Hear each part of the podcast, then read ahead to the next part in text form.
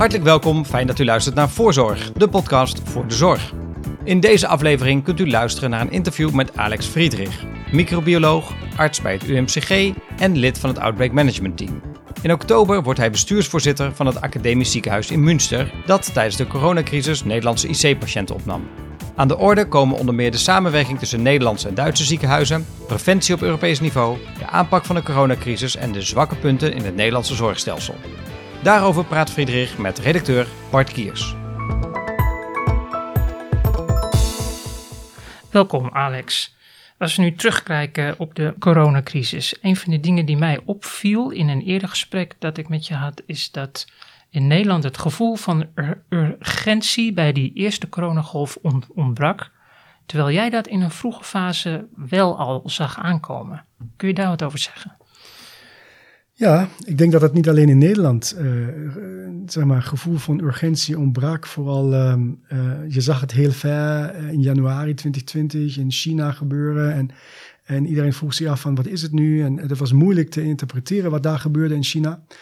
Um, op het moment toen het dan naar Europa kwam, vooral in Italië, um, dan was het nog steeds voor heel veel landen in Europa van toch wat surreaal en wat gebeurt daar. En het was moeilijk te interpreteren. En misschien heeft geholpen dat ik uh, zeg maar, ik, ik, zit in het bestuur van de Europese Vereniging voor uh, Klinische Microbiologie en Infectieziekten. Daar zitten wij natuurlijk met alle Europese collega's. En via dat netwerk aan de ene kant um, uh, was ik in, vroeg al in februari in, in, in teleconferenties waar ik gewoon berichten hoorde van dokters die op de intensive care die golven van patiënten zagen. Uh, dus in Cremona en in, uh, in het noorden, in, in, de Lombardije. En dat was, dus ik, ik werd tot uh, een getuige van wat daar gebeurde. Door collega's die ik natuurlijk ken en die, die ook goede vrienden zijn. En waar ik, waar ik, waar ik kon inschatten van, ja, het klopt gewoon wat hij zegt. En die ziet iets wat wij niet kennen. Dus ik merkte, het is eigenlijk niet zozeer een infectieziekteprobleem, het is een infrastructuurprobleem. Omdat ik wist vanuit ons eigen onderzoek dat Nederland half zoveel intensive care bedden heeft per inwoners dan Italië op dat moment. Dus toen werd ik heel nerveus van, oh, oh god, als het dan iemand echt zwaar gaat treffen, dan is het Nederland. En uh, een paar andere landen in Europa die heel weinig zorginfrastructuur nodig hebben. Uh, maar die was hier nodig. En ik wist dat Duitsland minder problemen zou hebben, omdat die gewoon uit ons perspectief te veel zorginfrastructuur. Dus dat gaf mij voor Nederland vooral een enorme uh, uh, urgentiegevoel. En dan, nou, ik heb een Italiaanse vrouw, dus ik heb ook familie, die dan ook ja, ooggetuigen berichten vanuit wat gebeurt daar. En, en, ja, en die twee dingen bij elkaar, dus het professionele netwerk en het persoonlijke, heeft mij waarschijnlijk geholpen om over dat um, bagatelliseren wat uh, in Nederland en ook in andere landen gebeurde in het begin. Om te zeggen van ja, wacht even, is misschien alles wat overdreven wat de Italianen daar zeggen. En we zijn toch nuchter. Hè? En, en dat, dat nuchter verhaal heeft ons tijd gekost. En uh, het is zeker goed nuchter te zijn, maar je moet ook weten wanneer het moet stoppen. En wanneer, wanneer je op de alarmknop moet drukken. En zeggen van nu. En dat is, wanneer drukte jij zelf op de alarmknop? Hier het in was het 23 februari. Mm -hmm. 23 februari. Dat was eigenlijk ja, vier dagen voordat de eerste patiënt werd mm -hmm. geïdentificeerd in, uh, in, in Breda. Um, of of in, in, tenminste maar in Brabant. Uh, eh, 23 februari is mijn verjaardag, daarom weet ik het zo. Het was een zondag. En toen zat ik in zo'n teleconferentie met Italiaanse collega's. En ik merkte van, ik, ik rekende, ik, ik vroeg dan nog, uh, hoeveel van die laatste 100 positieven die jullie hebben gezien, hebben risicofactoren. Zoals, kom uit China, um, heeft koorts boven de 38. En dat was maar 10%. Dus 90% had niet wat bij ons in Nederland en ook in andere landen de trigger was om überhaupt te testen. Dus ik wist op dat moment, we doen het niet goed. Dus we gaan niet zien wat komt. Er komt een golf onder de radar en we gaan hem niet zien omdat wij triggers hebben, dus indicaties voor testen, die gewoon niet kunnen zien wat komt. Alleen maar een klein stukje.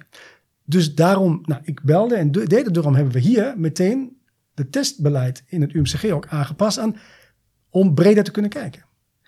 En, uh, Wat hield dat in, dat breder? Nou, je ging testen? niet alleen vanaf 38.5 of 38.0 testen, maar was het 37.5 of 37.8 ging je ook testen. Oké. Okay. Ja, omdat het is gewoon geen wiskundige wet, het is gewoon Ja, eh, en, en, en, en kinderen bijvoorbeeld, die hadden helemaal geen koorts. Eh, en, ehm, of niet zoveel zoals misschien dan volwassenen. Dus je moet, je moet veel breder. En het is ook niet vanuit China, maar was ergens geweest in Europa. Bijvoorbeeld in Italië. Eh, daar gingen wij. Daar gingen we ook testen. En natuurlijk, dat kwam ook alles landelijk, maar je, je, het was gewoon een race eh, om de klok om zo snel mogelijk, omdat zo'n epidemie, die verspreidt zich natuurlijk, er zijn bepaalde snelwegen van verspreiding en die moet je zien eh, te begrijpen. En de vraag was, hoe gaat de eerste golf ontstaan? En daar merkte ik heel snel van, A, zag ik van, daar is een probleem. We moeten ons voorbereiden als ziekenhuis. En ik heb nog, ik weet nog hier samen met anderen en dan moet je al- alertheid creëren en dan alle afdelingshoofden en de chef de klinieks bij elkaar. En ik stond toen daar en zei van, misschien gaan jullie over een maand of twee over mij lachen. Eh, en dan, maar dat risico neem ik. In plaats van later te zeggen van, had ik er maar eerder gereageerd. Dat ik nu eigenlijk zeg, we moeten voorbereiden voor het meest serieuze wat kan gebeuren. En werd je serieus genomen hiernaast? Ja, Ja, ja. Had verschillende redenen. A, kenden mensen mij. B, was ik voorzitter stafconvent. Toevallig. Mhm. Maar dat gaf mij de mogelijkheid om meteen vanuit die positie ook te kunnen spreken.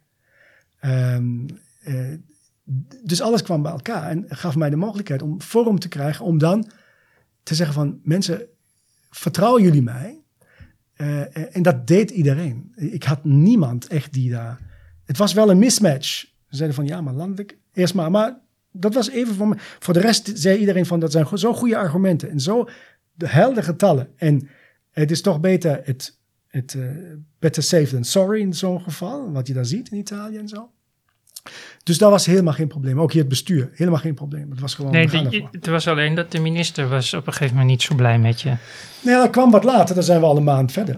Oké. Nou, daar waren we al een maand aan, aan voorbereiden. En ik dag en nacht aan het, eh, aan, het, aan, het, aan het werken ook. En dan was ik ook moe. En op een bepaald moment kon ik... ik, ik normaal loop ik hard, elke ochtend 10 kilometer. Elke ochtend? Ja, ja. En dat kon plotseling niet meer. En dan dacht ik van...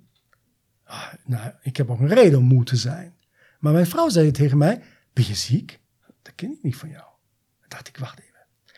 En er was natuurlijk al van alles. En, eh, en mensen kwamen uit Italië naar Brabant terug. En het was al een, natuurlijk ook verspreiden. En ik was, nou, ik was alleen maar thuis en in het ziekenhuis. Ik was niet ergens in het land. Maar natuurlijk kwamen dan op dat moment ook medewerkers van vakantie terug. Uit Oostenrijk vooral. We hebben dan gezegd, niemand die van vakantie terug kan komen werken of moet zich laten testen. Of dan met masker en zo. Dus we hebben een eigen beleid ingesteld. En toen werd, werd ik zelf ziek dan. Ik heb me even laten testen. En toen was ik... Is ik- positief. Nee, was positief. was redelijk geschokt, omdat ik had eigenlijk geen symptomen. Ik was hartstikke positief. Dus met, met, met, met virus eh, aantallen die, die ik eigenlijk eerder nog nooit heb zo gezien. Maar zo'n, zonder symptomen. Ik moet eigenlijk zeggen, als je zoveel virus hebt wat daar vermenigvuldigt, dan moet toch een symptoom zijn. Maar eigenlijk is het logisch, het immuunsysteem kent het nog niet. Dus het reageerde niet. En die symptomen zijn meestal immuunsysteem. Maar ik keek naar mijn keel, waarom zie ik niks bij zoveel virussen? Ik ben hoog besmettelijk. Ik ga natuurlijk niet naar werk, dus ik was thuis gebleven. Had iemand gevraagd van mijn mensen maar thuis te kunnen komen om te testen, in zo'n studie ook. Had ook weer het geluk dat ik dat kon doen. En toen appte ik meteen naar tien collega's in Europa. Zijn asymptomatische overdraagbaar? En dat kwam van negen van de tien terug vanzelfsprekend. Zien we overal. Dus het was voor mij helder asymptomatische moeten overdraagbaar zijn. En dat ben ik op dit moment ook. Ik ben eigenlijk asymptomatisch. Zeker kijken naar die indicatoren die officieel waren. Daar was ik helemaal, was ik vol asymptomatisch eigenlijk.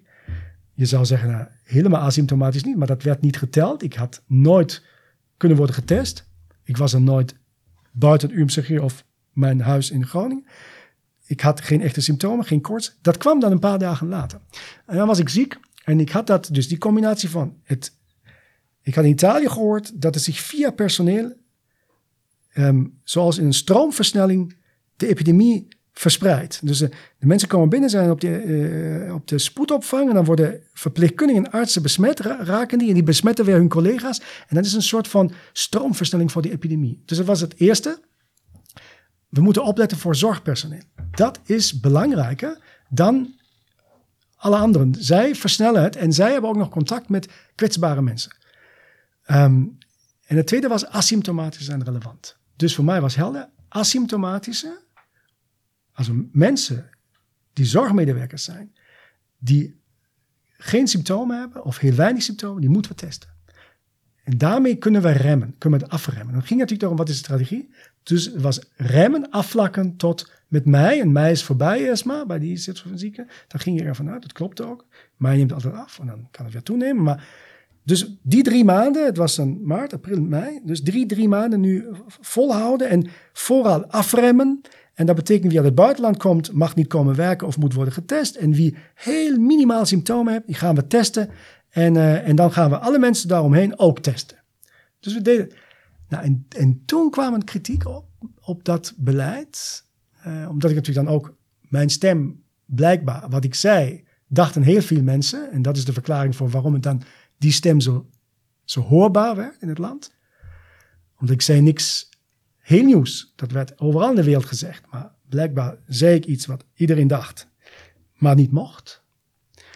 Uh, maar gelukkig maar zijn we in een wereld waar wat juist is, wel uiteindelijk um, mag. Maar wat, wat mocht er niet? Getest worden, zorgmedewerkers. Oké, okay, zonder ja, symptomen. Ja, ja. Heeft die minister jou zelf opgebeld dan? Of bestuur? Nee, daar wacht ik nog steeds op, dat hij misschien een keer gaat bellen. Uh, heeft hij niet gedaan. Uh, dat was, zou ik een keer de vraag van de minister krijgen: hoe moet ik eigenlijk het best omgaan met een wetenschapper? Uh, dan zou mijn advies aan de minister zijn: bel even. Dat is zo, heel belangrijk. Um, en vertrouw niet alleen op jou, um, uh, op diegenen die misschien niet helemaal goed geïnformeerd zijn. Omdat diegene die roept, die heeft wel iets te zeggen. En dan moet je natuurlijk inschatting maken. Uh, en je kunt niet overal waar iets wordt geroepen um, volgen. Maar als, als je merkt dat, zo'n, dat die stem van een wetenschapper zo'n zo'n bekendheid krijgt, dan moet er iets achter zitten dat hij niet de enige is die dat denkt. Anders krijgt een stem van een wetenschapper die eigenlijk eerst maar niet landelijk bekend is, niet zo'n draagvlak. En dan is het moment toch even te bellen. Um, en, uh, maar het is niet gebeurd. Dus. Nee, omdat er waarschijnlijk minister heel veel andere dingen te, te doen had. Maar dat is ook niet zo erg, omdat uiteindelijk is natuurlijk wel. Uh, uh, is dan wel. Kijk, het ging er ook niet daarom dat hij zegt van dat klopt niet wat hij zegt.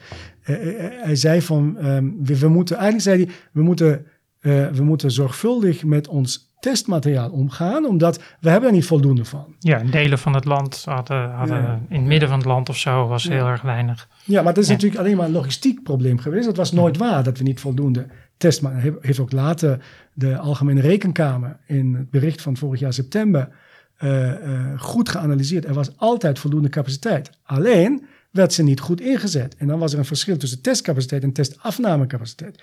Misschien waren er voldoende testspullen, maar het kon niet worden afgenomen, omdat wij, ja, we hadden de GGD en die, die kon het niet doen. En dan kon de GGD doen. Dan waren de testen weer, dus was die bij elkaar afgestemd. En dat was een logistiek probleem. Maar hier in het noorden hadden wij voldoende testmateriaal. En we konden ook anderen helpen die ons vroegen, zoals Nijmegen en anderen. Uh, dus we waren, uh, ik vond dat we zeer solidair ook deelden met anderen. We konden onze spullen niet wegsturen, omdat ons systeem had, hadden anderen niet. Maar we konden van andere materiaal nemen. En, maar er was wel een verschil in kennis. En het verschil in kennis was dat ik ervan overtuigd was, als je testmateriaal hebt, dan hoef je het niet te be besparen tot later. Je moet het nu inzetten. Nu komt de golf. Nu moet je het inzetten. Over twee maanden heeft het geen effect meer. Of niet meer zo effect. Nu kun je nog remmen. En daarom zei ik, alles wat we hebben, ik wist ook dat we niet oneindig testmateriaal hebben, maar twee maanden is in een pandemie een eeuwigheid. Dat is al een week heel lang. 24, 7, dat is heel lang. Daarom moet je nu testen, testen, testen, testen. En dat is ook uiteindelijk gelukt dat wij, we hebben binnen een week 500 positieve zorgmedewerkers in het noorden gehad. De ziekenhuizen om ons heen deden het ook. Het was niet zo effectief geweest, hadden we alleen maar het UMCG gedaan. Maar gelukkig maar hebben wij de afgelopen jaren voor de antibioticaresistentie, voor de acute zorg, voor allerlei dingen bestuurlijke en eh, expert, expert, professional netwerken opgebouwd om met elkaar hier zorg te verlenen, om met elkaar infectiepreventie te doen. Dat we deden dan geen antibiotica-resistentiebestrijding meer. We deden dan een ander micro-organisme, SARS-2, COVID. Maar het netwerk, het vertrouwennetwerk, het bestuurlijke netwerk was er. Dus we konden. ehm, het zwakste is als elk ziekenhuis voor zichzelf handelt. Maar als een collectief van een ziekenhuis in een hele regio met elkaar maatregelen neemt, dan heeft dat impact. Dat is, je denkt, ja, een paar ziekenhuizen, maar het zijn toch, eh, dat zijn de ziekenhuizen plus de verpleeghuizen plus revalidatieklinieken. Eh, dat is toch eerst maar heel, daar gebeurt het. Daar is ook de stroomversnelling, kun je iets bereiken als je dat test. En het zijn toch 11 of 12 procent van de bevolking die in de zorg werken. Eh, dat, heeft, dat is, als je, als je snapt hoe infectieziekten zich verspreiden, dan, dan, dan moet je niet iedereen hebben, maar je moet de juiste hebben om daar maatregelen te nemen. Je kunt niet overal maatregelen nemen, maar je moet op het juiste moment, op de juiste plek, de juiste maatregelen nemen. Daar was het juiste moment in de zorg maatregelen te nemen om de versnelling te remmen. Dat zag je ook in de eerste golf, maar niet in de tweede. Die was anders. Nog eventjes over de eerste golf. Ben je nou als wetenschapper ook onder druk, gezegd, eh, onder druk gezet om niet te zeggen wat, wat niet mocht eigenlijk? Niet, niet direct. Dus niemand heeft tegen mij gezegd, je mag dat niet zeggen. Maar indirect dan? Nou, indirect merk je natuurlijk dat je, je bent een, je bent wel, je, je, valt, je merkt dat je mensen lastig valt.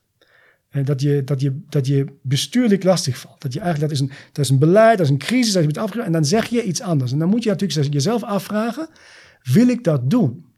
En, eh, en daar heb ik wel goed over nagedacht. Maar ik zei op een bepaald moment tegen, ik, ik was zo van overtuigd dat, dat, dat wij niet de goede kant op gingen. We moesten testen, we moesten zien wat er is. Je kon niet koersen zonder te testen. En er was voldoende testmateriaal. Als we maar met elkaar alle schouders eronder en dat systeem systeem lieten laten en met elkaar het gingen aanpakken.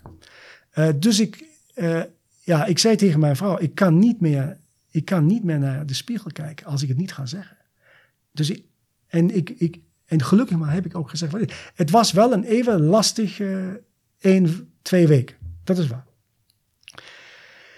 Maar uh, ik heb het overleefd en uh, in, aan het einde is het toch goed gekomen. Bij 1 april 2020 mochten zorgmedewerkers uh, getest worden en, en dat werd steeds makkelijker. Eigenlijk werd jouw beleid overgenomen door de rest van Nederland. Of het mijn beleid is, weet ik niet. Maar nou, het, het beleid uiteindelijk werd dan aanpak. zo dat het dan kon en het werd mogelijk gemaakt. En dat is natuurlijk altijd Je kunt zeggen, ik heb niet voldoende capaciteit. En dan kun je zeggen, dan doe ik niks. Of je zegt, ik wil wel iets doen, ik heb nu nog niet, en dan begint het opbouwen. Dus alleen als je je een doel stelt wat hoger is, dan ga je beginnen te klimmen.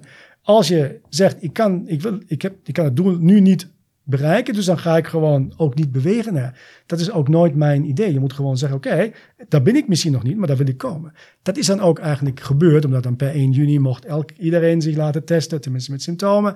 En later ook iedereen met asymptomatisch, die geen symptomen had, mocht zich laten testen. En uh, ja, het is, ook, het is ook een groeicurve, een leercurve. Die, en ook maatschappelijk moeten de dingen dan worden geregeld. Ik snap dat alles.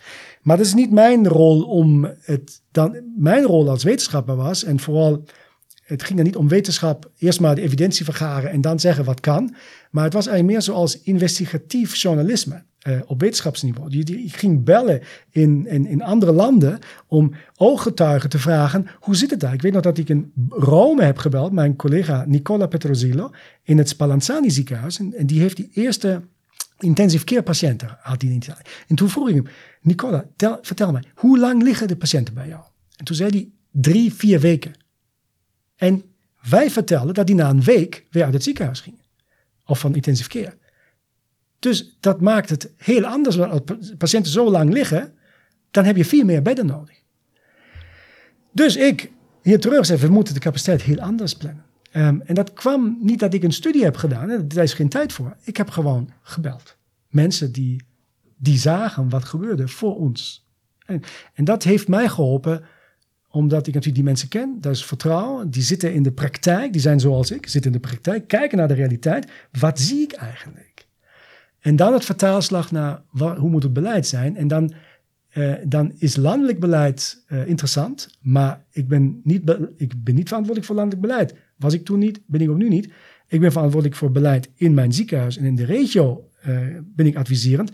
Als ik merk dat landelijk beleid is goed, maar als landelijk beleid een risico vormt voor mijn patiënten en medewerkers, dan wijk ik ervan af. En dat moet ik ook, dat is mijn opdracht.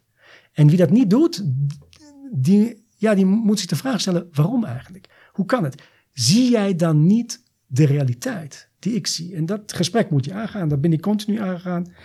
En het uh, was ook een leerzaam moment. En was ook een lastig moment, omdat ik... Uh, uh, er zijn ook momenten toen ik zei, er moeten maskers worden gedragen. Zo in augustus vorig jaar. Er komen toch de maskers, vroeger of later. Er waren mensen die waren het niet met mij eens. En die hebben mij echt laten weten dat ze het niet met mij eens zijn. En daar heb ik gevoeld wat het betekent als, je, als, als, als mensen jou zien als, uh, ja, als echt een, een soort van vijand of zo. Ja? Dat jij dingen vertelt wat hun de vrijheid neemt en, en jou, jou aanvallen. Uh, en, uh, en het is misschien niet persoonlijk, maar de functie die je hebt en de, de stem die je hebt, die doet hun pijn blijkbaar. En dat laten ze jou weten. En dat... Waren dat mensen uit je ziekenhuis? Nee nee nee, nee, nee, nee, helemaal niet. Nee, helemaal niet. Helemaal niet. Ook niet uit andere ziekenhuizen. Het was gewoon mensen, burgers die gewoon woedend waren. En dat uitzicht dan via Twitter of brieven? Brieven, brieven okay. Twitter, niet zo. Ja, ook, dat heb ik niet gekeken gelukkig, maar daar heb ik een filter in. Maar brieven, e-mails, maar vooral naar zijn brieven die je echt onder de deur doorkrijgt of zo. Onder de deur door? Ja, Bij je huis? Ja, ja. Ah. Dat is zo. Ja. Dat is zo. En dat, is, dat voelt niet fijn. En, uh, en dat voelt onveilig. Mm -hmm. voelt onveilig. Vooral jouw familie die niks mee te maken heeft. Mm -hmm. Nou, dat is dan ook weer verbeterd uh, later. En gelukkig maar nu helemaal niet meer.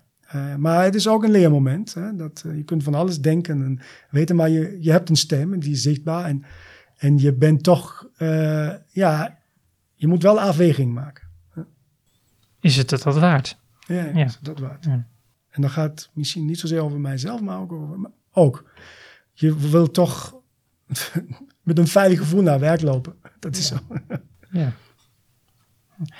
Die ziek ziekteverloop bij jouzelf. Uh, je bent vijf kilo afgevallen, las ik. Nou ja, dus, ik, ja, ja in, tijdens dat, dat klopt. Dus in uh, maart, april ben ik vijf kilo afgevallen.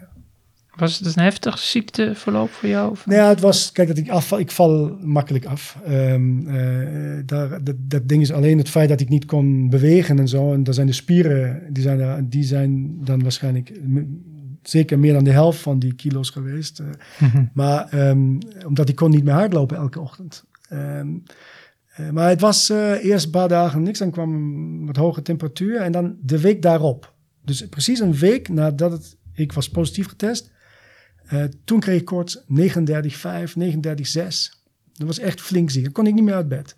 Dan was ik echt ziek. En het interessante was dat daarvoor uh, was ik onder de douche, om de temperatuur te houden, was onder de douche en plotseling, ik had zo'n shampoo gekocht en dat, de geur was weg. Toen dacht ik, die shampoo is kapot. Het werkt niet meer. Zo. Geur is weg. Hoe kan dat? Toen dacht ik, wacht even. Dat is misschien het virus. Dat was toen nog niet bekend, dat geurverlies en smaakverlies en. En toen appte ik weer tegen zeven, acht collega's. Zien jullie anosmie en, en zo heet dat. Uh, dus geurverlies en smaakverlies. Ja, ja, zien we ook. Dus vooral collega's, KNO-artsen in UK, die zeiden dat. Die zien wij continu. Meer dan 70% heeft geurverlies. Toen heb ik mijn vrouw gevraagd, die is Italiaanse, kun je de, de nieuwe espresso open doen? Ze zei, nee, we hebben nog een open. Nee, doe maar nieuwe espresso open. En kun je mij zo'n ik wil een koffietest doen. Toen uh, was even in de war. Wat wil hij nu? Het is toch ziek? Geen koffie drinken nu? Zei, nee, toch? Ik wil even geur.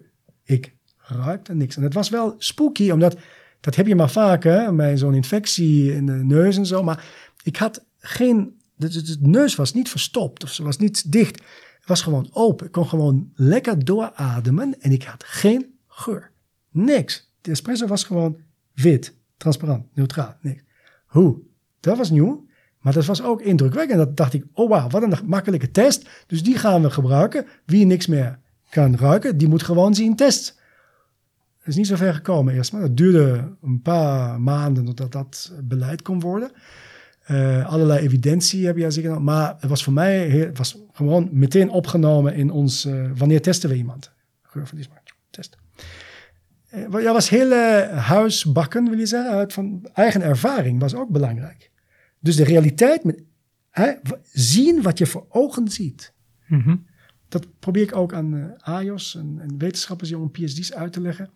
Uh, dat is toch het meest belangrijke. Eerst maar te beschrijven wat je ziet. Doe dat maar.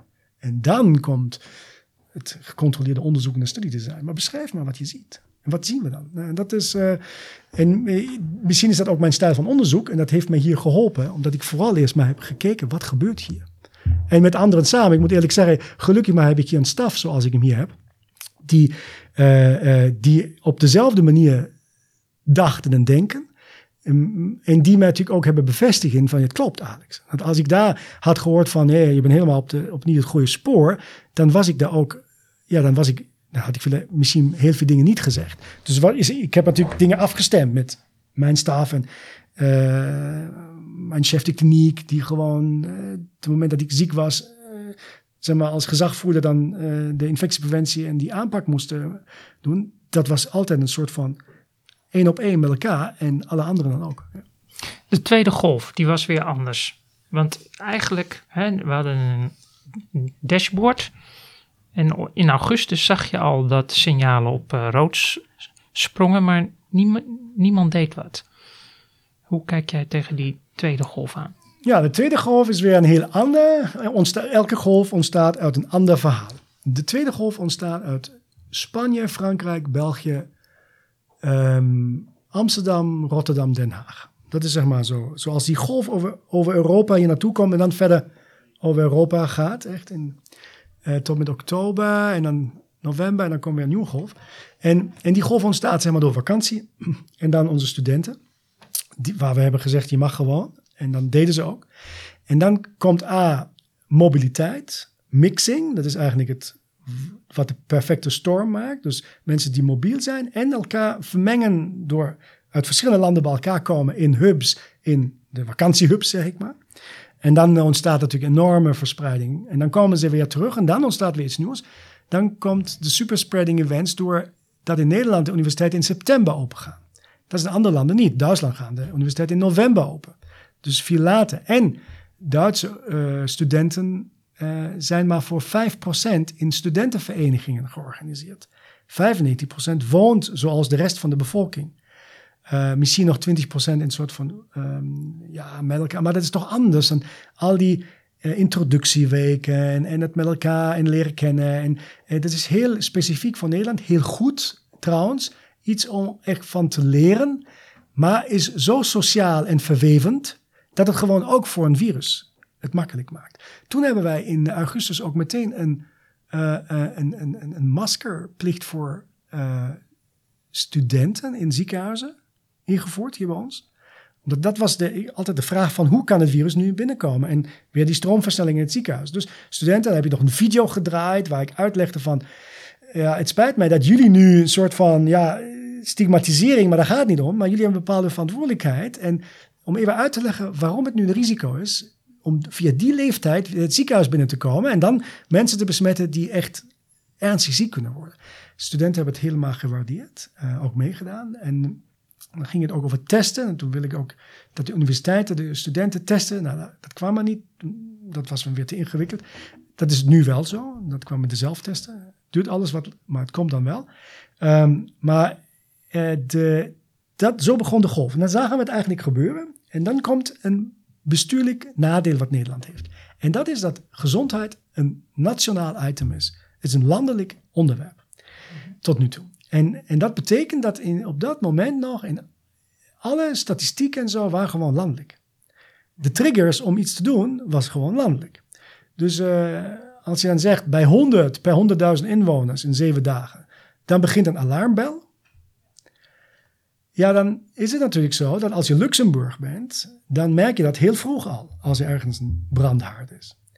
Maar als je een groot land bent, epidemiologisch gezien, zoals Nederland, wat zeg maar zeker in vier landsdelen te onderdelen is, epidemiologisch. Zagen we in alle golven waren er vier landsdelen. Zuid, Oost, Noord, West. Uh, en uh, en dan, dan heb je zeg maar in Rotterdam, Amsterdam, Den Haag, een hoge incidentie. De rest van het land is nog laag. En neem je het gemiddelde, dan is het laag. Heel lang laag, heel lang laag. Totdat het overal zo hoog is, dat je eigenlijk die maatregelen komt te laat neemt. En daar is, daar is niemand schuld of zo. Het is gewoon zo. Wij zijn niet gewend um, regionale maatregelen te nemen omdat wij dan in Nederland denken, als het regionale maatregelen moet zijn, dan moet het dan de burgemeester doen. En dat heeft dan weer, eh, ja, is het dan bestuurlijk goed ingebed en die wacht dan mogelijk op landelijk beleid. Maar ik heb heel vroeg gezegd, we moeten regionaal maatregelen nemen, onafhankelijk van elkaar. Maar ik bedoelde nooit dat het echt dan gescheiden van elkaar. Je kunt het centraal nemen, maar met regionale verschillen. Maar dat bestaat niet. Of doe je het voor het hele land, of je doet het regionaal bij de veiligheidsregio. Maar wat eigenlijk nodig is, iets daartussen in. Dat je wel met elkaar landelijk afstemt, maar dan zegt van het noorden heeft dit nodig en het zuiden heeft iets anders nodig. Wat voor mij vanzelfsprekend is, omdat ik zag in mijn Italiaanse realiteit, was het normaal. Dat, dat werd gewoon gedaan. Een hogere incidentie, dan mag je gewoon niet meer over de regiogrens heen, behalve je hebt een goede reden. En dan moet je aanmelden en dan, uh, als het is, en dan, en dan uh, moet je dan masker dragen. Dan gaan de horeca dicht en zo. En als je een lage incidentie hebt, dan mag het wel aan. En in Duitsland is het ook zo, heel vroeg, regionaal. Dan werd gedacht, ja, maar de Bundesländer, nee. Ook binnen zo'n Bundesland, zoals Noord-Rijn-Westfalen, dat 18 miljoen inwoners heeft, vergelijkbaar met Nederland. Daar waren er 50 kleinere regio's die onafhankelijk van elkaar maatregelen konden nemen. Ook scholen dicht op krijsniveau, dus op provincieniveau. Zo. En als je dan naar Nederland kijkt, wat voor een bestuurlijke regio denk je dan aan? Uh, aan het noorden, Mhm. aan het oosten centrum, aan het zuiden en aan het westen. Dus die, je moet dan 25, of neem 5, dan moet je 5, 25 veiligheidsregio's door 5, dan maak je 4 of 5 veiligheidsclusters. Oké. En die hebben, die, die, het is niet dat in Amsterdam een straat uh, een maskerplicht invoert, heeft minder effect dan als je had gezegd van we maken nu een lockdown medio augustus in het westen. Dan had je waarschijnlijk hit hard en early kunnen doen en waarschijnlijk van wat we nu alles weten had je de toename van de golf in het hele land verder kunnen beperken. Um, maar het is, het is makkelijk gezegd, maar er zijn twee dingen die het voorkomen. A, het bestuurlijk niet kunnen, omdat het niet bestaat, op die manier te acteren. Waarschijnlijk al juridisch niet. Um, en het tweede is het psychologische. Nederland is niet gewend het land in te delen in zorgregio's. Maar het moet wel komen. Sowieso. Niet alleen voor COVID. Uh, het land is te groot om overal op dezelfde manier zorg te verlenen. In regio's. Maar de provincie is te klein. Dus het moet wel iets groter zijn. Daarom zijn de ROA's eigenlijk altijd omvatten meerdere provincies. Dat is natuurlijk iets en dat komt niet toevallig. Dat is omdat je een bepaalde grootte van anderhalf tot 2 miljoen inwoners, dat is de eigenlijke meest efficiënte eenheid van acteren in de zorg. Ook voor preventie. Nou, dat, dat, het tweede is dat dan een interessant verhaal um, bestuurlijk werd doorverteld. En dat is het zogenoemde waterbedeffect. Dus er wordt gezegd, als ik dan de horeca dicht doe in Oost-Groningen, uh, in, sorry, in Oost-Nederland, en die zijn in het noorden open, dan gaan massaal uh, de mensen uit Twente naar Groningen bier drinken. En het is, het is, een, een, het is een interessant verhaal, omdat ik vraag me af waarom dan die waterbedeffect in andere landen niet bestaat. Dat moet iets heel Nederlands zijn. En ik heb dan maar grap, heb ik mijn Bayern dan, omdat ze deden dat. Berchtesgadener Landkreis heeft dan alles dichtgegooid, ook de scholen. En toen vroeg ik, hebben jullie geen waterbedeffect? Ik zei, wat is dat? Heb ik het vertaald naar Duits? Ja, we zeggen hier waterbed, waterbed, wasserbedeffect. Zoals het, je graaft en dan komt het water. En dat was het antwoord, oh ja, jullie daar in Nederland denken altijd aan water.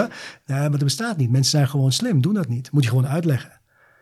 Ja, en ik denk dat is het, dat je ook psychologisch uh, bepaalde beelden hebt en dat dan iets niet kan zijn wat niet mag zijn. Ja. En daarom hebben we het nooit gedaan. Maar ik denk het is nog steeds een optie voor Nederland, regionaal, de zorg te regionaliseren zonder het landelijke los te laten. Dat heb je natuurlijk nodig, je moet het coördineren. Omdat het vervolg is natuurlijk, um, je, ik zeg niet dat je, je moet overal maatregelen nemen, maar ze zijn op verschillende epidemiologische eenheden op verschillende momenten de epidemie anders. En zo is het ook op Europees niveau. Het geeft natuurlijk geen zin als los van elkaar elk lidstaat in Europa zijn ding draait. Dat in Duitsland wordt gezegd van masker houden, et cetera. En wij zeggen van we laten gewoon los en uh, iedereen mag 26 juni. En dan worden wij tot een hotspot voor anderen. En dan moet weer de grens um, eh, eigenlijk met testen en alles, omdat wij onafgestemd met elkaar acteren.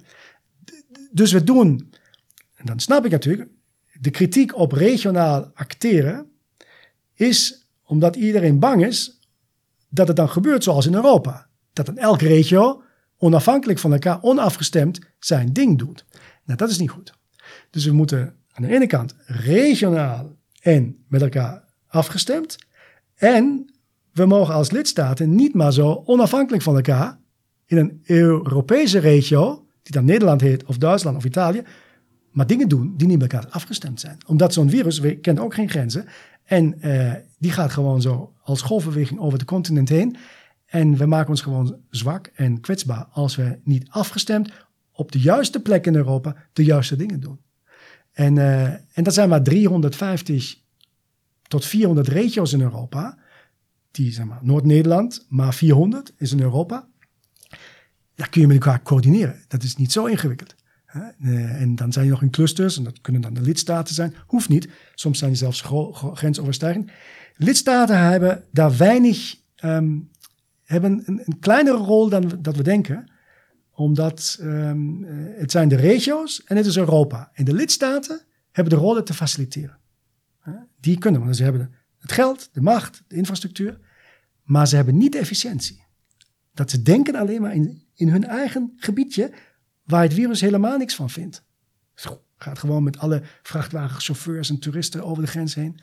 Um, dus daar moet je beter afstemmen. En het kan ook niet zoals nu, waar we dan via Brussel en zo denken dat Europa Brussel is. Europa is niet Brussel. Wij zijn Europa. En we doen met elkaar. En het efficiënte was ook niet gesprekken ergens, teleconferenties met vertegenwoordigers uit alle landen. Dat werkt niet. Dat is zeg maar 15 jaar geleden Europa. Um, het is een netwerk in Europa, waar je met elkaar leert van elkaar. Wat gebeurt daar?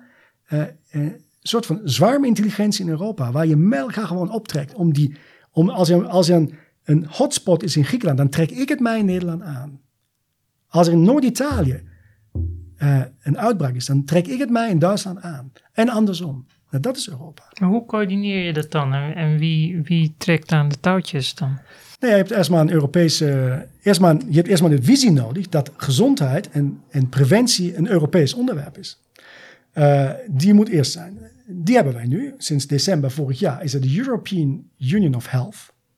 Uh, Ursula von der Leyen heeft dat uitgesproken. En dat is al courage, omdat we voor 50 jaar lang hebben ons laten vertellen dat gezondheid geen Europees onderwerp is. Maar dat is toch, vooral bij dit soort van crisis. En daar zijn natuurlijk ook regelgeving voor, waarom je dat moet doen. Uh, dus dat is ene. En dan moet er een, uh, dat is HERA, dat is een andere project. Dat is zeg maar de uh, Health Emergency and Response Agency. Um, en dat betekent dat je eigenlijk een soort van Europese continentale um, biosecurity agency nodig hebt. Die, zolang alles goed is, mag elk lidstaat doen wat ze willen. Maar als er een systeemrelevant crisis komt voor de hele continent, dan kun je het niet meer in jouw eentje oplossen dan moet dat op dat niveau komen. En dan moet je ook over hebben, dan moet je ook over hebben dat niet meer elk lidstaat gewoon soeverein over zijn eigen maatregelen kan beschikken. Dat moet met elkaar afgestemd. Natuurlijk doet dan iedereen, realiseert het. Maar je kunt niet maar zo zeggen bijvoorbeeld, we gaan um, uh, sommige mensen niet vaccineren zonder tegelijkertijd, dan heb je verspreiding, zonder tegelijkertijd de grens dicht te groeien. Omdat dat moet je dan doen om anderen te beschermen. Omdat je laat het dan verspreiden. Je kunt niet zeggen, ik laat het rondgaan eerder. En anderen zeggen in Europa, ik wil een totale lockdown. Dat kan niet. Omdat, dan, anders word je voor elkaar een probleem. Maar dat, we zijn in Europa. We zitten met elkaar in één boot. En dat is, heeft misschien de grootte om überhaupt um, toekomst te hebben. Europese grote schaal. De lidstaten erin zijn heel belangrijk. Maar ze zijn niet het doel. Het doel is Europa. Met elkaar dat we Europese zorg, dat we op een Europees niveau veiligheid bieden voor onze patiënten, zorg bieden. En dat zagen wij toen onze bedden vol liepen, hadden wij buren, en dan weet ik het bij Duitsland beter dan bij België, maar het ook, maar in Duitsland weet ik het, Noord-Rijn-Westfalen, 18 miljoen inwoners, zonder pandemie 6500 intensive care bedden, met, met personeel. In crisistijd 9700 bedden. Hebben ook moeilijk om die alle te bemannen en te bevrouwen. Maar toch, Nou, wij waren bij 1100 voor de pandemie en dan zijn we naar 2000. Nou, daar kun je nu moeilijk over doen. Zeggen van, ga nog meer. Of je zegt, wacht even, kunnen we niet samenwerken? Nou, is ook zo gebeurd. Mensen zijn over de grens gegaan. Niet zo heel veel, hè? 117 ook uiteindelijk. Ja. Dat is toch veel?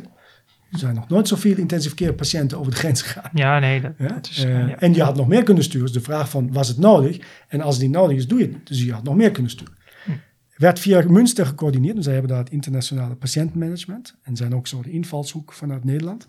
Als eh, stad eh, van de vrede van Münster hebben ze daar een bepaalde traditie in. Welke momenten ging Nederland, was Nederland te, te, te eigenwijs eigenlijk? Eigenwijs, eh, ja, dat weet ik niet of het specifiek voor Nederland geldig is, omdat andere landen waren dat ook. Ik denk dat alle landen gewoon eigenwijs. Iedereen keek naar zichzelf in, pla- in plaats van het met elkaar te bekijken. Maar Nederland heeft misschien nog iets gedaan. ehm, wa- waar in de beginfase het niet goed kunnen inschatten was wat in Italië gebeurt. Dus het, het, ehm, het, het eh, zeg maar de, de, er was geen, er was niet voldoende interculturele samenhang om te begrijpen dat het niet Zuid-Italië, Palermo is, maar dat het Noord-Italië, en dat is een rijkere streek dan vele streken in Nederland. Als het daar gebeurt, kan het ook bij ons gebeuren. Dus dat, was, dat voelde niemand in Nederland aan. Dus we kennen Italië eigenlijk niet. We kennen Europa niet. Dat is het eerste. Dat is niet eigenwijs, gewoon te sterk op jezelf gericht, in plaats van ook van anderen te weten. Maar dat is misschien in Europa ons groot ehm, leermoment. We moeten meer van elkaar kennen. En niet alleen vakantie. Ehm, dat is dat, daar waren wij toch meer gericht op onszelf. En dan onderzoek. Dat wordt wat interessant. Ehm, het was misschien evidentie. Ik weet nog dat eh, in Codogno en eh, in, in, in, in, Vo Euganeo, in die kleine stad, een van de eerste waar, waar grote problemen waren. Daar is een studie van eh, Andrea Crisanti, mijn collega daar in Padua. Een studie laten zien. Als je iedereen test twee keer binnen twee weken, in zo'n kleine stad van een paar duizend inwoners, dan kun je de R-waarde van 2,4 naar 0,5 krijgen en dan stop je hem. En dat zijn asymptomatisch die je vindt. Dat heeft hij verteld. En dat is door sommige landen, zoals Griekenland en zoals Italië, rest natuurlijk ook, opgepakt. Ook in Duitsland. Maar het is in Nederland niet opgepakt. En, en, en daar heb ik, dat heeft me wel te denken gegeven. We hebben het pas opgepakt op het moment dat hij het in Nature had gepubliceerd. Dat was een half jaar later. En hier moeten we ons de vraag stellen: waarom doen wij dat? Hebben we alleen maar vertrouwen als het in Nature is gepubliceerd? In een crisis. Wat hebben wij nodig? Hoeveel evidentie heb je nodig om een maatschappelijke afweging te maken? Ehm, en daar heb ik gemerkt dat we misschien toch eigenwijs waren, omdat als die studie ehm, zeg maar uit Nederland was gekomen, dan was het eerder gebeurd. Maar we konden het niet doen, omdat we die, gewoon die situatie niet hadden. En, en, en, en ik, hier, hier vind ik, daar moeten wij aan werken. En dat moet Duitsland ook. Duitsland heeft ook niet zo heel goed naar Italië gekeken. We moeten leren ehm, evidentie ah, te interpreteren voor. Dat is ook gebeurd. Nu worden dingen gepubliceerd. Daar zijn ze nog niet door Nature en zo, of door die, door die, door die reviews.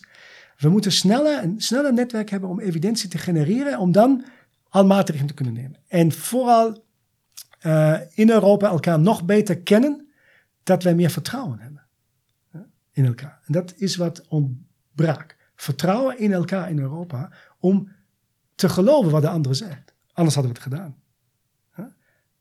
Duitsers gebruiken gewoon de maskers en dan zeggen wij, nou, ze zijn gewoon overvoorzichtig en eh better safe than sorry en dat is alles niet nodig, er is geen evidentie voor. CO2-meters, ach, en nu doen we het ook. Eh, en je moet je altijd afvragen, en andersom is het ook zo trouwens, ze hebben ook dingen gedaan waar wij het goed deden eh, en waar dan daar. Dus ik vind dat wij nog veel meer interculturele competentie kunnen opbouwen. Om met elkaar nog sterker in Europa te worden. En wat vind je van versoepelen wat we in juni deden? Was, dat ging sneller dan waar dan ook. Ja, maar het, het probleem was natuurlijk, het was al moeilijk om die maatregelen te nemen. En iedereen was blij om ze los te laten. En dan ontstaat, dan is op papier staat misschien, dat moet nog overblijven. Maar door die sfeer die ontstaat, laat iedereen de, de, de, de zeilen vieren eigenlijk. Ik heb daar begrip voor. Ehm, eh, aan de andere kant krijg je dan de rekening daarvoor ook, die je moet betalen. Ehm, en we werden dan plotseling tot een hotspot in de vakantieperiode. Dat is niet fijn. Uh, in andere landen, je ziet dan in Duitsland, terwijl in de, in de eerste golf was een verschil. In de tweede golf was er niet meer zo'n groot verschil tussen Duitsland en Nederland. Ook niet in de derde golf, maar in de vierde golf wel. Daar zie je wel dat een verschil tussen een factor van 100 tussen zit in de incidentie. In de opnames uh, en de overlijden niet zozeer trouwens. Hè. Het is meer in de, in de, in de, in de positief. Uh, hoeveel zijn positief? Um, en ook als je kijkt naar hoeveel mensen zijn overleden uiteindelijk, dan zijn in Nederland de meeste mensen in de eerste golf overleden. En niet in Duitsland. Die zijn daar zijn dan mensen vooral in de tweede golf overleden. Dan door ook daar in het zorgsysteem is gekomen. En nog voor de vaccinaties was. En in de tweede golf is natuurlijk al in Nederland helaas heel veel gebeurd. Dat is dan niet meer in de tweede golf. Dus je ziet elk land, en dat is natuurlijk waar wat de Zweedse collega zegt, de rekening die doe je aan het einde maken, uh, de, som, de rekensom. Uh, toch moet je kijken van wie is in elke golf diegene die betroffen is en die, die, die geïnfecteerd raakt en die overlijdt of wordt opgenomen. En je moet proberen zoveel mogelijk te beschermen en te sturen. Het gaat toch om mensen en niet om statistiek. En daarom moet je zo goed mogelijk inzetten. Long COVID voorkomen. Uh, en, uh, en dat moet je goed mogelijk doen. Ook wetende dat een pandemie is gewoon iets wat je niet helemaal kunt voorkomen. Het blijft gewoon. Ook doe je jouw best. Ook op continentaal niveau zou het wereldwijd door blijven. Nu is de winter op de zuidelijke halfrond. Het is wel een andere winter dan wij hebben. Maar toch is daar nu de hoogtij van, van besmetting. Daar ontmoet het virus heel veel mensen. En kan zich daardoor, hoe meer besmettingen, desto meer variaties kunnen optreden, desto meer varianten ontstaan. Dus die daar nu ontstaan, dat zijn de kandidaten voor de, onze volgende winter. Die komen we vandaan. Als dan de zomer daar komt en de besmettingscijfers afnemen, dan gaat het virus gewoon naar de noordelijke hemisfeer. Eh, en gaat bij ons. Dat zijn die varianten die daar nu ontstaan. Zo oscilleren virussen van dit soort over de planeet. En dat is, griep doet dat en coronavirussen doen dat. En dat blijft ook zo. Alleen is het risico van dat het een tsunami is en een zorgsysteem platlegt, dat wordt steeds minder door die gamechanger vaccinaties. Want hoe kijk je nu naar het komende jaar? Wanneer, wanneer kunnen de scholen en universiteiten weer normaal open? Dat kan nu, nu zo. Het komt nu, we gaan nu niet meer in dit najaar het op dezelfde manier hebben en doen zoals het vorig jaar, omdat we nu toch kunnen testen, we kunnen registreren. We moeten, we, we, ik denk dat er niet zo'n lockdown komt. We krijgen wel druk, de zorg krijgt het druk, omdat er nog steeds voldoende mensen zijn die niet gevaccineerd zijn, waar vaccins geen effect hebben, um, die ze niet willen laten vaccineren. Dus het verspreiding gaat door. Mensen die gevaccineerd zijn, kunnen ook verspreiden. Dus je moet vooral de kwetsbaren, die moet je beschermen door nog een keer te vaccineren. We gaan elk jaar mogelijk vaccineren met een combinatievaccin, met griep, denk ik in de toekomst. Um, en andere. Dus ik, ik denk dat je vooral Um, je, je blijft de golfbeweging zien, maar ze wordt steeds minder stijl. En daardoor wordt het door de zorg ook behapbaar. Maar toch moet de zorg zich langdurig instellen op meer infrastructuur. We hebben in Nederland 15 tot 20 procent meer zorginfrastructuur nodig, omdat we een ziekte bij krijgen die niks vervangt. En we hebben dan niet alleen de COVID-patiënten, we hebben niet alleen de long-COVID-patiënten, maar we hebben ook nog patiënten die een onderliggend lijden hebben, een ziekte, iets anders, en dan SARS-2 geïnfecteerd zijn en besmettelijk. Dus eigenlijk vergelijkbaar met de antibiotica-resistente ziekenhuisbacterie, waar je eigenlijk iets anders hebt, maar je bent ook besmettelijk. Dus daar, en dan krijgen we ook nog ziektes die we kennen, zoals myocardiinfarct, hartinfarct, die ook door, klein deel, maar toch door virussen kunnen worden veroorzaakt. En die worden nu door coronavirus veroorzaakt. Dus we krijgen bekende ziektes die nu als oorzaak corona hebben. Dus al dat betekent dat onze, ja, onze, onze zorg ja, overal een stukje bij moet hebben. Dus uh, we moeten even nieuw, opnieuw uittitreren. Hoeveel zorginfrastructuur heb je nodig? Voor 20% meer ziekenhuizen bedoel je? Ja, nee, 20% meer in, 15 tot 20% meer infrastructuur. En dan kun je zeggen, of het nu ziekenhuizen zijn, weet ik niet, maar het kunnen bedden zijn, personeel, testcapaciteit, GGD bedoel ik daarmee ook. Hè? Dus publieke zorg. Al dat, dat heb je, dat moet bij. En dat komt daardoor dat wij decadenlang het steeds minder en efficiënter en nog. En zeg maar, is alle, alle, alle vet van de botten gegaan, alle spieren van de botten. En andere zorgsystemen hebben dat niet nodig gehad en hebben dat niet gedaan. Die hebben nu minder last van. En wij, bij ons is de pendel gewoon te efficiënt. We moeten even terug naar normale efficiëntie. Die gewoon rekening houdt met een nieuwe ziekte bij, die niet alleen een infectieziekte is. En niet alleen daar zichtbaar wordt, omdat je vooral die pieks moet kunnen opvangen. Anders krijg je nog meer inhaalzorg. Dat wil je niet. Daarom denk ik dat ongeveer 20% uh, in die zure appel moeten we gaan bijten. En dat betekent dat ons, we kunnen twee dingen doen. Of het zelf doen, of een deel daarvan zelf doen. En het andere deel een deal met onze buurlanden doen. En dan hoef je het niet. Dan kun je zeggen, uh, dat doen we trouwens ook op ander raakvlak. Uh, het leger doet dat. samenwerken met anderen. Uh, hoef je niet alles zelf te hebben. andere infrastructuur. dat kunnen we ook met de zorg. Die hoeft niet alles zelf te doen. Die kunnen het ook met anderen doen. Maar dan zouden patiënten naar Duitsland en België moeten, bedoel je dat? Ja, bijvoorbeeld. Uh, maar de vraag is hoe je het definieert. Je kunt ook definiëren dat ziekenhuizen aan de Belgische en Duitse grens gewoon uh, afspraken maken met Nederlandse ziekenhuizen en dan ook gevisiteerd worden en hun systeem aanpassen en dat, dat, dat de digitalisering, dat de communicatie werkt, dat het gewoon ja, extra Nederlandse zorginfrastructuur wordt, toevallig in het buitenland. Maar dat kan natuurlijk, omdat niet, het is niet Duitsland en Nederland. Het zijn gewoon ziekenhuizen die naast elkaar zijn. Enschede en Gronau zijn zeven kilometer van elkaar. Ja, laten ze met elkaar afspraken maken.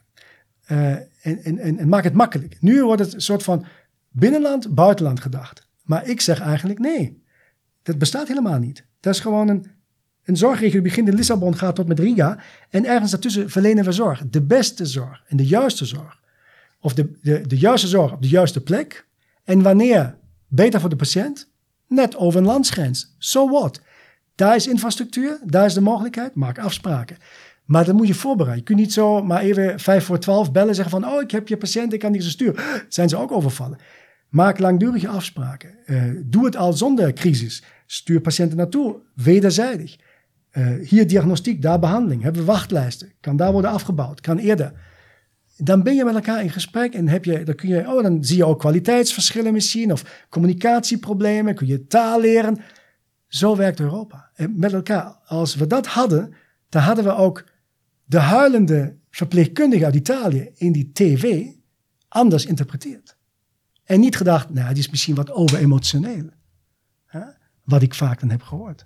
Omdat we gewoon niet de interculturele competentie hebben te snappen wanneer het wat emotioneel Italiaans is of wanneer het echt is.